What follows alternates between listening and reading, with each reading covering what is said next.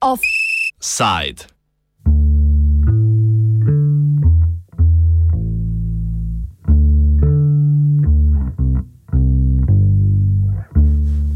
Vizjakove mokre sanje, mokrice.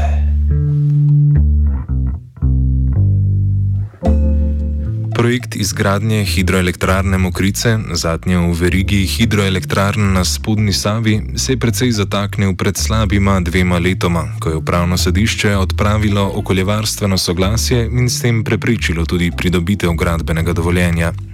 Postopek je vrnilo na Agencijo Republike Slovenije za okolje, krajše ARSO, postopek pa še vedno poteka. Vlada se je kljub temu odločila, da se mora gradnja hidroelektrarne Mokrice začeti čim prej, po možnosti še letos. Na podlagi tretjega protikoronskega zakona je lani poleti napravila seznam pomembnih investicij, med katerimi je tudi hidroelektrarna Mokrice. Gradijo sicer podjetje Hidroelektrarna na spodnji Savi, družba slovenske elektroenergetske skupine Gen Energija, ki je v 100-odstotni državni lasti. V začetku decembra je vlada s posebnim pravnim aktom omogočila, da bi se postopek pridobivanja gradbenega dovoljenja kljub temu nadaljeval. V skupini Gen Energija sedaj upajo, da bodo gradbeno dovoljenje dobili že do marca. Temu močno nasprotujejo v Društvu za preučevanje rib Slovenije, ki je proti odločbi vlade v tem primeru vložilo tožbo na upravno sodišče. Nadaljuje predsednica društva Andreja Slamršek. To tožbo smo vložili na upravno sodišče. Eh, zraven smo tudi eh, priložili poziv eh, upravnemu sodišču, da izda odredbo, da pač ta odločba, da se to odločbo zadrži do razsodbe, se pravi, da se ne sme nič naprej dogajati, preden ni razsojeno.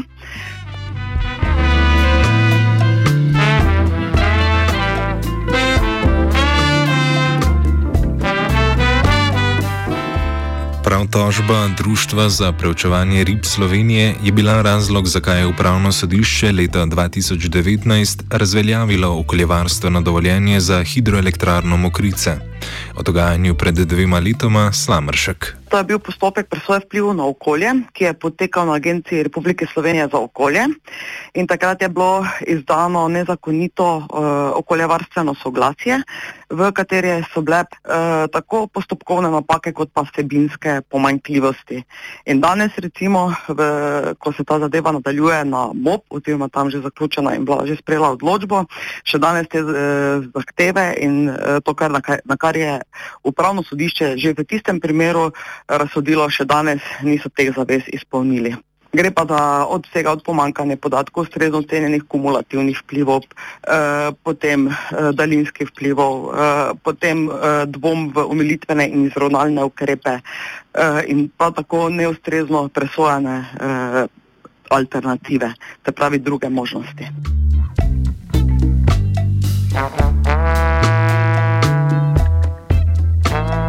Potem, ko se je pridobivanje okoljevarstvenega dovoljenja močno zapletlo, je vlada začela iskati nove poti, kako vendarle doseči, da bi se gradnja lahko začela. Danes še vedno ni zaključen postopek eh, presoje vpliv na okolje na Agenciji za okolje in preko sprememb zakonodaje, teh eh, korona paketov in pa tudi potem sektorske zakonodaje, zakonodaje z področja ohranjanja narave, gradbene in tako naprej, so eh, pač izsilili, da se je začel ta postopek prevlade. Najprej so v bistvu začeli z posto integralnim postopkom, ki so ga prekinili, tako da je v bistvu v nekem trenutku so kar trije postopki hkrati tekli in potem so integralnega prekinili in potem so šli v prevlado. Uh, seveda so uh, to nezaključeno zgodbo tukaj kar nadaljevali, sprejeli so tisto, kar smo mi jim očitali in je tudi uh, na sodišču v tožbi, to, da pač ne more biti ocenjen vpliv te, se pravi, da ni bistvenega vpliva da, in da možno izvesti take umilitvene izravnalne ukrepe, ki bi škodo izravnali. In v tem drugem postopku, kar je tudi absurd, da se postavijo na polno, popolnoma drugo stran brez dodatnih obrazložitev in vsega, ne sprejmejo to, da dejansko smo mi imeli prav, da je D bistven vpliv uh, in da grejo kar v postopek prevlade.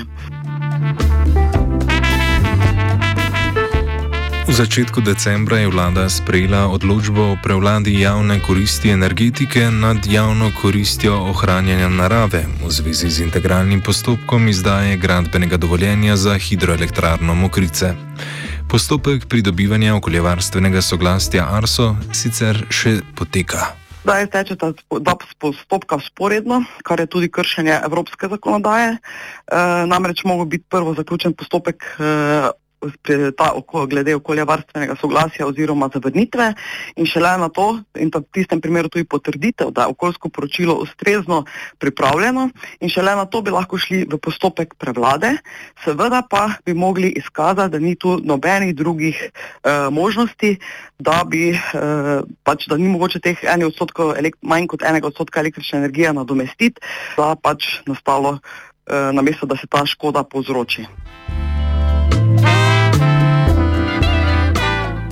Postopek prevlade sicer ni ravno običajen pravni postopek.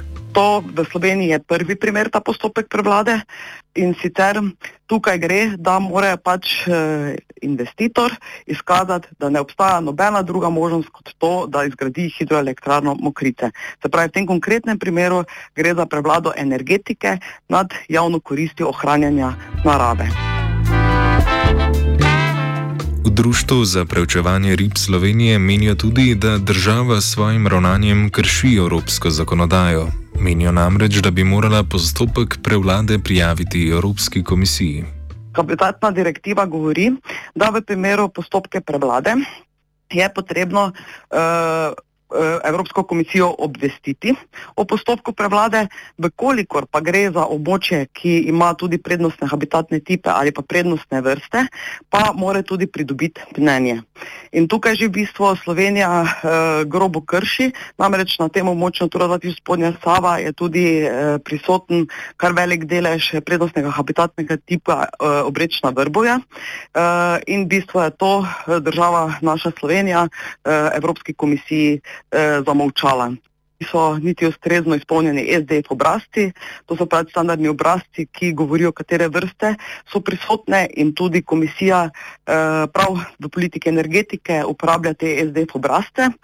Eh, in dejansko eh, so poslali eh, obvestilo Evropske komisiji, ki je v bistvu zavajajoče oziroma celo lažno, pomanjkljivo.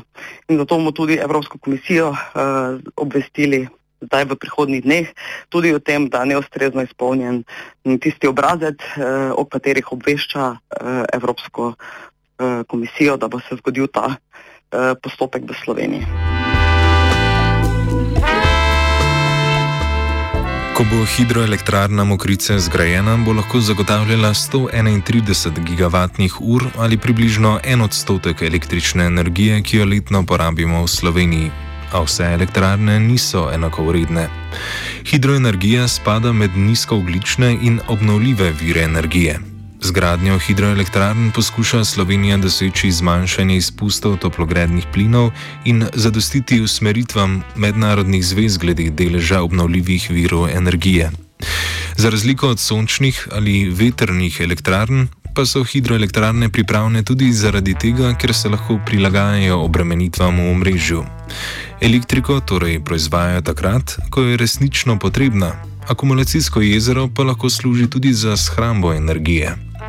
Poleg tega si lokalne občine gradnjo hidroelektrarne želijo tudi zato, ker bi njen jez prispeval k omejevanju poplav.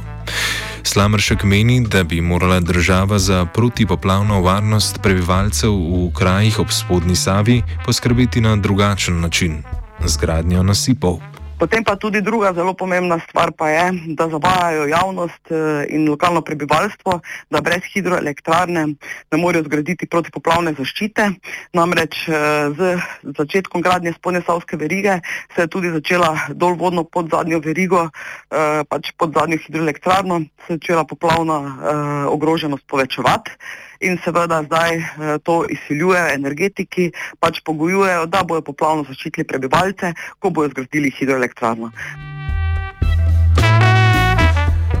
Slamršek meni, da uvajanje ukrepov, ki bi ohranili vodne habitate, ob gradnji jezu in elektrarne ni mogoče. Problem je, da pač rečni tok eh, se upočasni in te uh, reofilne vrste rib, to so rečne vrste rib, potrebujejo ponavadi hiter tok, hladno vodo ki, in pa tudi prodišča, se pravi plot, kamor odlagajo svoje ikre, kamor se hodijo drstiti. In akumulacija pač že spremeni ekosistem. To več ni rečni ekosistem, ampak jezerski. In zaradi tega to sploh ne obstajajo izravnalni ukrepi. Tega pač ni mogoče izravnati ker če riba izgubi habitat, ga izgubi. In tukaj gre za večkilometrske dele, zdaj bo že cela veriga, ki je ne vem koliko kilometrov od vrhovega navzdol in tukaj pač eh, monitoringi že kažejo eh, upad eh, določenih vrst rib in pa nekatere vrste rib celo izginejo, kot so zvezdogled, upiravec, keslerjev, globoček. Uh, v glavnem ne obstaja ukrepa, ki bi lahko to izravnal to škodo. To bi bila lahko samo edino struga, uh, ista struja kot je Sava, ne, ali pa vem, tri četrt reke Save, da bi se lahko to izravnalo. Ne gre, enostavno se spremenijo vse e, funkcije ekosistema in pač ne upravlja več, ni več to potem življenjski prostor, primern ni več za te ribe. Ne le naša država, tudi Evropa kot celota je v hidroelektrarnah našla vsaj del odgovora, kako doseči zmanjš zmanjšanje izpustov toplogrednih plinov pri proizvodnji električne energije. Ti viri so v Sloveniji sicer v veliki meri izkoriščeni. Država poskuša sedaj z dokončanjem elektrarn na spodnji Savi, pa tudi s še številnejšimi elektrarnami na srednji Savi in potencialno na Muri, povsem izkoristiti vodne vire, ki danes v Sloveniji že zagotavljajo okoli tretjino elektrike. V prihodnosti bodo akumulacijska jezera služila tudi kot baterije, saj bo prilagajanje proizvodnje elektrike trenutnim potrebam, ko bodo vse več energije proizvedle od vremena odvisne sončne in veterne elektrarne, postalo vedno večji izziv. Gre zgolj za enega izmed primerov, kako se v sledenju sicer dekorativno-okoljevarstvenega cilja zmanjševanja toplogrednih plinov pozablja na naravne habitate. Ob tem se velja spomniti tudi na nizek potencial vodne energije na spodnji Savi. Poleg tega, da ima skupina Gen Energija v lasti pet hidroelektrarn na tem delu reke, si lasti še slovensko polovico krške nuklearke v njeni bližini. Poleti, ko je vodostaj nizek, njihova skupna moč ne zadošča niti za to, da bi napajale glavne reaktorske črpalke v nuklearki.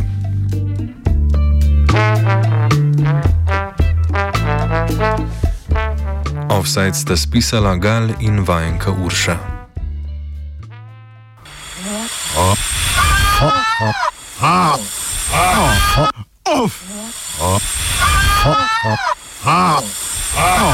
Offside.